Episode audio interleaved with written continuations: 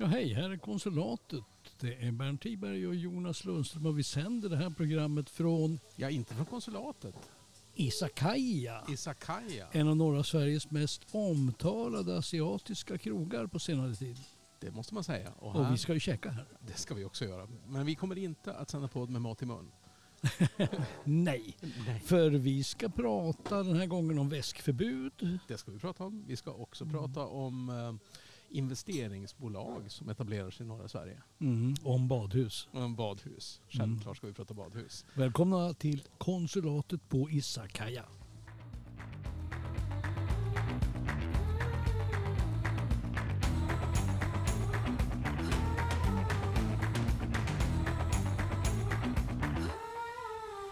Ja, hörru du Jonas, det har ju varit mycket snack om det här väskförbudet. Alltså Sverige har ju någonting som heter terrorhot, terrornivå 4. Just det. Och vad är skalan? Terrornivå, är det fem som är Det farligaste ja. det, är det farligaste? Mm, då är det laddat läge. Mm. Och vart gäller ett sånt här väskförbud då? Alltså, allmän plats eller är det på... Ja, det är framförallt på evenemang av, av olika slag. Kulturevenemang, sportevenemang och liknande. Och eh, då gäller... Eh, det finns tre nivåer för det här. Det ena är totalt väskförbud. Det andra är ju förbud mot större väskor. Och de har man preciserat alltså. De är 40 gånger 40 gånger 20 centimeter. Alltså det där måste de ha hämtat ifrån, ifrån flygbolaget. Jo, jag tror det det? Och sen det finns det en tredje sån här väsknivå. Och det är tillåtet att ta med väskan in. Men nu är det alltså väskförbud. Just det. Och det, det, här blir ju, det här får ju en ganska snedvridande effekt. Alltså, herrkläder brukar ju ha enorma fickor. Oh yes, alltså precis. Eh, Jag har ju inga problem med det här med, med väskförbudet till exempel. Jag har tänkt ungefär så. För jag menar allt jag har med mig när jag går ut det har jag ju i jackan eller kavajen. Men tjejer, kvinnor, de har ju deras kapper och eventuella kavajer. De rymmer ju inte lika mycket prylar som Nej, våra. precis. Och förstör ju formen på, på plagget och det är alla möjliga sorters grejer. Men jag, jag funderar ju någonstans på det här med alltså, de som, som eh, vanliga huliganer, eller på att säga, sådana som förstör fotbollsmatcher och, Mm. och hockeymatcher. Har de väskor med sig? Alltså var stoppar de sin, sin pyroteknik? Jag vet inte, men alltså jag antar att mycket smugglas in i väskor. Men annars så har de dem väl i brallorna gissar jag. Alltså för det, det känns ju lite konstigt sådär om man, om man har den här värsta klacken som kommer in och så har Mm. alla med sig väskor. Precis. Så att. Ja. Alltså, jag läste ju det att den här första helgen med väskförbuden tycks ju ha gått eh, eh, ganska geschwint på något sätt. Alltså flera större konserter hölls med väskförbud. Eh, men alldeles vattentäta är ju inte de här nya väskförbudsreglerna. För att Mm. på många konserter och idrottsarenor så kan ju besökarna ta med sig ytterkläder in på konserterna. Och det är ju inte alldeles så där självskrivet att arrangören har tillstånd att visitera människor in på bara kroppen. Nej, men det så. Där har du ditt dilemma där lite Ja, grann. alltså det är en, för, för, för någonstans känns det ju som att eh, det är, det är ju hemskt med, med terror och med, med mera men, men det känns ju som att det kommer att vara lite lättare med, med fotbollsmatcher och sånt där, där det har varit bråk tidigare. Mm. Alltså att eh, det är Mm, svårare att få mm. med sig allt för mycket pyroteknik om man inte längre kan om det är ett större uppmärksamhet på vad man har med sig och inte. Nej, precis.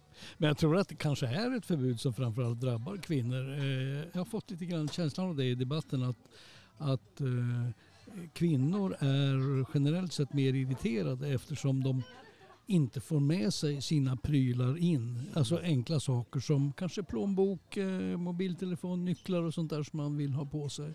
Men är det här lika, likadant som, som eh, ingen annan jämförelse gjord men som, som när rökförbudet kom på krogen? Hur tänker du nu? Jo, men jag tänker det här att det, det, det fanns ju inte så många rökare någonstans utanför krogen som i krogen. Alltså att, eh, på den tiden och för, för er ungdomar då som inte gick på krogen eh, någon gång när det röktes, då var det så att man luktade fruktansvärt illa dagen efter man hade varit på krogen. Alltså inte bara, inte bara andedräkten utan faktiskt också Och kläderna. kläderna. Mm. Därför att det röktes kopiösa Ja, ja, ja, mängder inne på krogen. Och sen när man skulle göra förbud om det där, ja det fanns ju inte någon hejd på hur upprörda människor var över att va, ska jag inte längre få röka på krogen? Mm. Det, har ju som, det tog ju för sig kanske fem, sex år innan folk riktigt vande sig. Men äh, tror du att det är samma sak med väskor? Kommer Nej, men jag, tänker, jag tänker liksom när du säger det där att, att eh, i vissa länder är det fortfarande tillåtet att röka inne på restauranger. Inte Ja. så många men i vissa länder dit man kommer på semester så kan ju folk sitta och röka på krogen. Och, och gud vad man tycker som svensk att det är otidsenligt och helt förlegat och man tycker det är så snuskigt. Alltså någon sitter och röker när jag äter. Ja. Ja, men precis. Ja, tidigare när man minns att en flygkabin delades av så att fy halva. Ja, ja, halva flygkabinen Minst- rök, Jag rökte, ju, jag rökte ju en tid där eh, och så satt ju alla rökarna längst bak då när de ändrade reglerna. Eh, först skulle man ju röka var som helst i planet. Sen, sen ändrade de det man kunde bara röka på de platserna längst bak. Med, med påföljd att så fort planet hade lyft så stod det 100 passagerare längst bak i gången och rökte. Mm. Har du tänkt på det i och för sig att när man, när man flyger nu för tiden så då, då uppmärksammas man särskilt tydligt på att rökning är förbjuden. Detta gäller även, Även toaletterna. Och så berättar de att det finns en särskild rökdetektionsapparatur som, kommer att, som kommer att avslöja den som provar röka. Men du, jag skulle vilja backa bandet lite grann. Tillbaka pratar- till väskorna. Vi pratar väskorna Ja. alltså. alltså. Har du funderat på hur otroligt mycket det är som får plats i en damväska? Ja, en handväska? Ja, jo, faktiskt. Eh, Och hur lång tid det ibland kan ta att få fram det. Du, ja, en mobiltelefon Mm. ringer det i en kvinnas handväska Det känns så som ligger den alltid... staplas Nej, här. ja, skit i samma, men den, den Ja, ja. ligger ju på något sätt alltid längst ner. Det tar en jävla tid för dem att Ja, få men upp det, den. det är Newtons fjärde lag. va? Den som handlar om mobiltelefoner i väskor.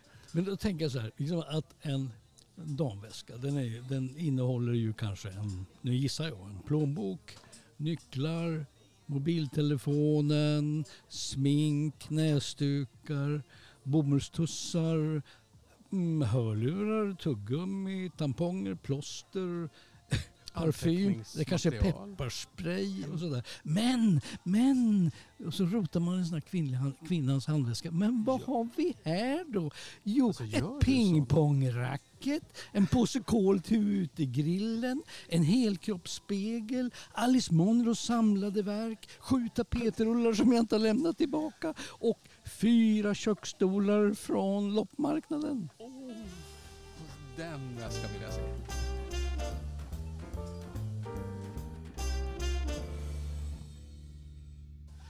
Ja, vi är tillbaka. Vi har hittat ut ifrån Bernts eh, handväska och är tillbaka här på Isakaya. Eh, investeringar. Ja, det är ju, eh, vi har läst i eh, Norrbottenstidningarna, kanske även i Västerbottenstidningarna. Mm. Jag har inte sett det men jag har sett i Norrbottenstidningarna en annons från ett norrbottniskt eh, investmentbolag som drar igång sin verksamhet där uppe.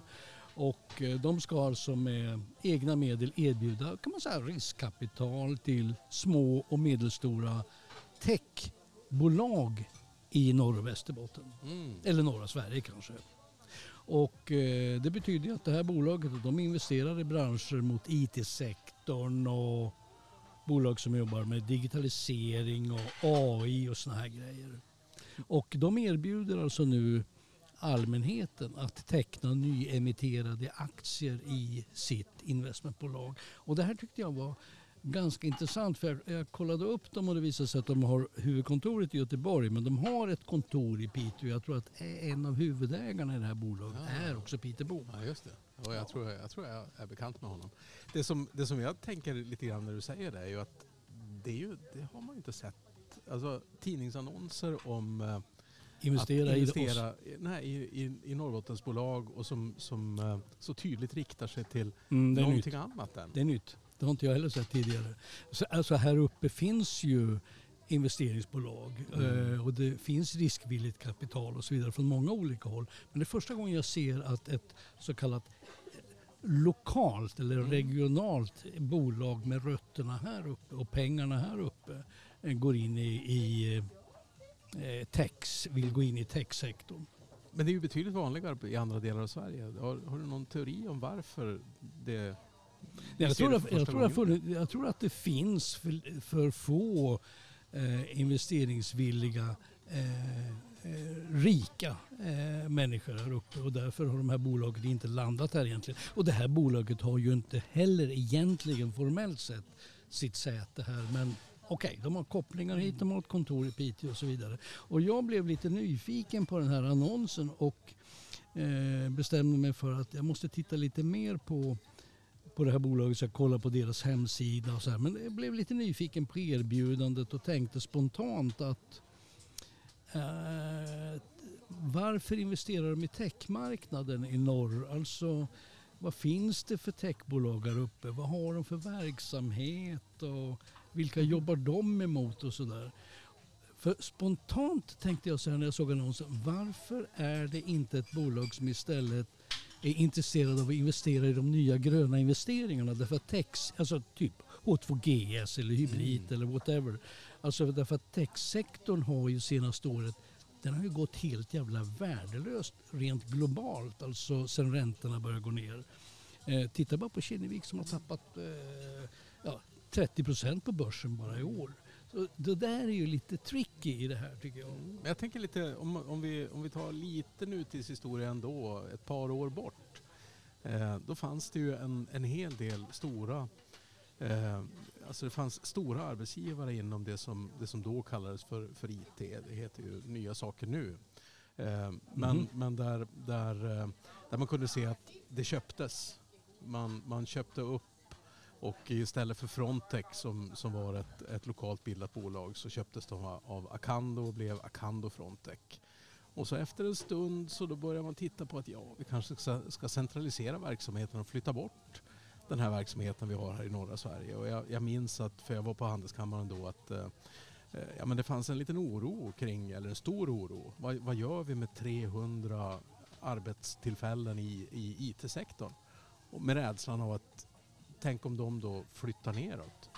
Och resultatet så här efteråt kan man väl konstatera att det gick ju betydligt bättre för efterföljarna de verksamheter som startade med de anställda som hade varit med och byggt upp Frontec här uppe mm. än vad det sen Tänker du på Arctic Software och liknande? Ja, eller? Tänker, ja, det var ju där det började någonstans. Ja. Och så sen, sen eh, så fanns ju kopplingen att det bildades därför att det var universitetsnära. Det bildade, mm. mm. Verksamheterna var tydligt knutna till det som var och mm. är industrin mm. i norra Sverige. Och någonstans så blir det ju det är så lätt att vi bara stirrar på de här stora investeringarna som görs och glömmer bort att man, eftermarknaden, alltså detta med det ska finnas de som, som servar anläggningar, det ska finnas de, de företag som jobbar med installationer av både stark och svag ström, det ska finnas eh, mm. företag som, som vet hur man knyter ihop det som är tech-sidan på dessa stora producenter.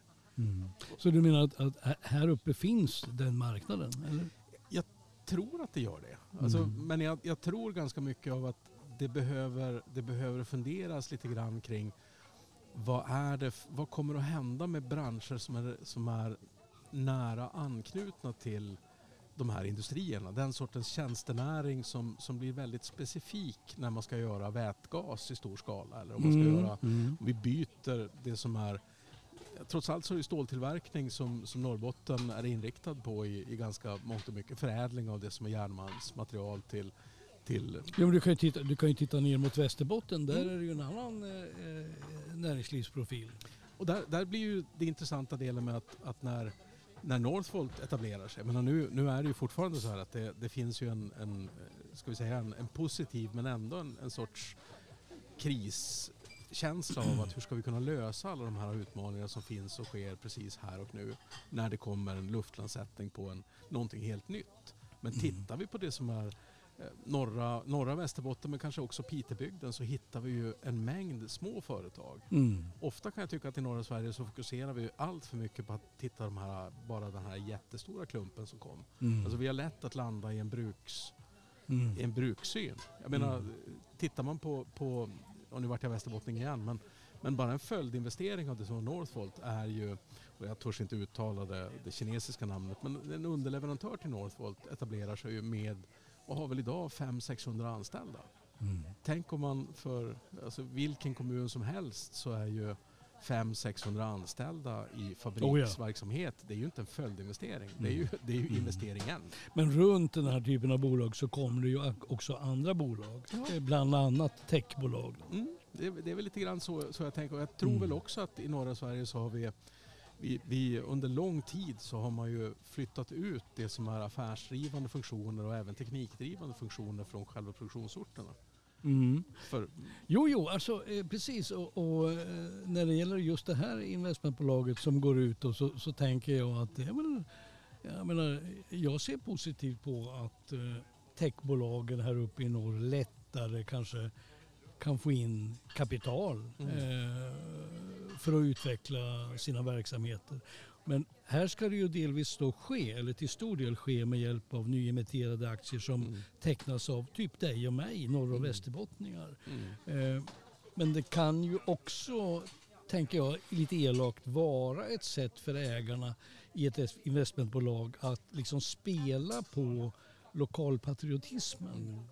Mm. Jag vet ju inte det, men alltså, man måste ju tänka åt lite olika håll innan man bestämmer sig för ska jag gå in och teckna aktier här, ska jag inte? Och det är en sån tanke som jag hade. Men jag, tänk, jag tänker nog så här, en, en föreställning jag har är väl att, att ja, men vi är i norra Sverige, om vi räknar norra Sverige stort, så är vi knappt en miljon människor. Men jag, jag har en vilket ju kunde tyda på att det kan finnas en hel hög med spännande investeringsmöjligheter och pengar. Människor som, som vill placera pengar på ett bra sätt. Men jag har som den förutfattade meningen att det här med att, att satsa och spara i aktier är mindre förekommande i norra Sverige mm. i, i det som är lokala bolag. Mm. Alltså sådant som, som inte är börsnoterat eller mm. som, som ligger ens på, på små listor.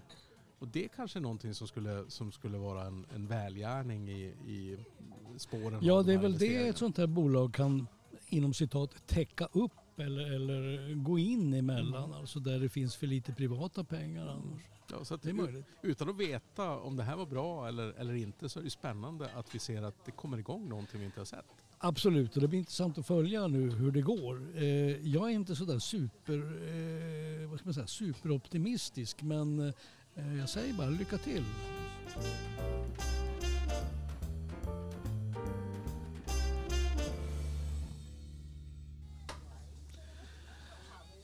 Hörru du, eh, investmentbolag och sådär i all ära. Eh, senaste året så har konkurserna ökat med 33 procent i landet och det är femtonde månaden i rad som de ökar. Mm. Men för första gången nu så ser alla regioner i landet ut att tyvärr åka med på det här tåget. Mm. Alltså alla, mm. alla ska med i den här negativa trenden. Mm. Eh, Norrbotten och Västerbotten tror jag klarar sig rätt hyggligt ändå men, men det är besvärliga tider. Jo, och det, det, väl, det har väl varit också rätt mycket knutet till, till eh, byggverksamhet och, och mm. räntehöjningarnas påverkan på byggkonjunktur och, och mm. annat. Och nu, nu ser vi också en hel del varsel som börjar, som börjar läggas ut i, i det som förstås det som är byggbransch men, men också det som är underleverantörer, hustillverkare till underleverantörer mm. till hustillverkare, hustillverkare. Mm. Men även konsulter som jag menar, jag tänker på reklambyråer, arkitekter, bemanningsföretag och liknande mm. drabbas ju i en sån här sväng. Mm. Va, va, va, apropå riktigt eh, alltså, konkurser och eh, ekonomiska problem. Vi lovade att prata om badhus. Ja, just det. en, jag hade en... Eh, Nej men du, får jag bara säga det om du vill prata badhus. Alltså, ja. eh, när det gäller konkurserna så är det rätt intressant att sportbutiker och sporthallar är ju oerhört hårt konkursdrabbade. Jag tänker på, vi hade en väldigt tidig podd, alltså för typ 40 poddar sedan, när vi pratade ja. om Paddel. Vi ironiserade över paddeldöd, eller över paddel... Vad var paddel? Ja, och nu, nu har, ju, nu har vi fått ett nytt begrepp, paddeldöden. Paddeldöden ja. Och apropå då att många kommuner vill bygga badhus så tänker jag på, ja. har vi en badhusdöd på gång? Ja. Eller drog jag en för lång växel nu? Nej, men jag tror, jag tror inte du gjorde det ändå. därför att jag, jag, jag hörde att det var, det var någon skribent som hade konstaterat att um, Eh, för vad det nu ser ut att kosta att bygga ett badhus i Kiruna har man i Indien istället finansierat att sätta, skicka en rymdsond till månen. Skojar du? Ja, men alltså det, det börjar röra sig i de, i, de, i de begreppen. För nu passerar ju, ser det ut som badhuset i Kiruna miljardstrecket. Det är helt osannolikt. Ja, men, men det är ju också så att det finns ju ingenting man kan bygga som, som kan bli så dyrt som badhus. Alltså Linköping byggde ju ett för några år sedan, ett svindyrt badhus. Det utsågs ju då i alla fall till Sveriges dyraste. jag tror det heter Tinnerbäcksbadet eller någonting sånt där.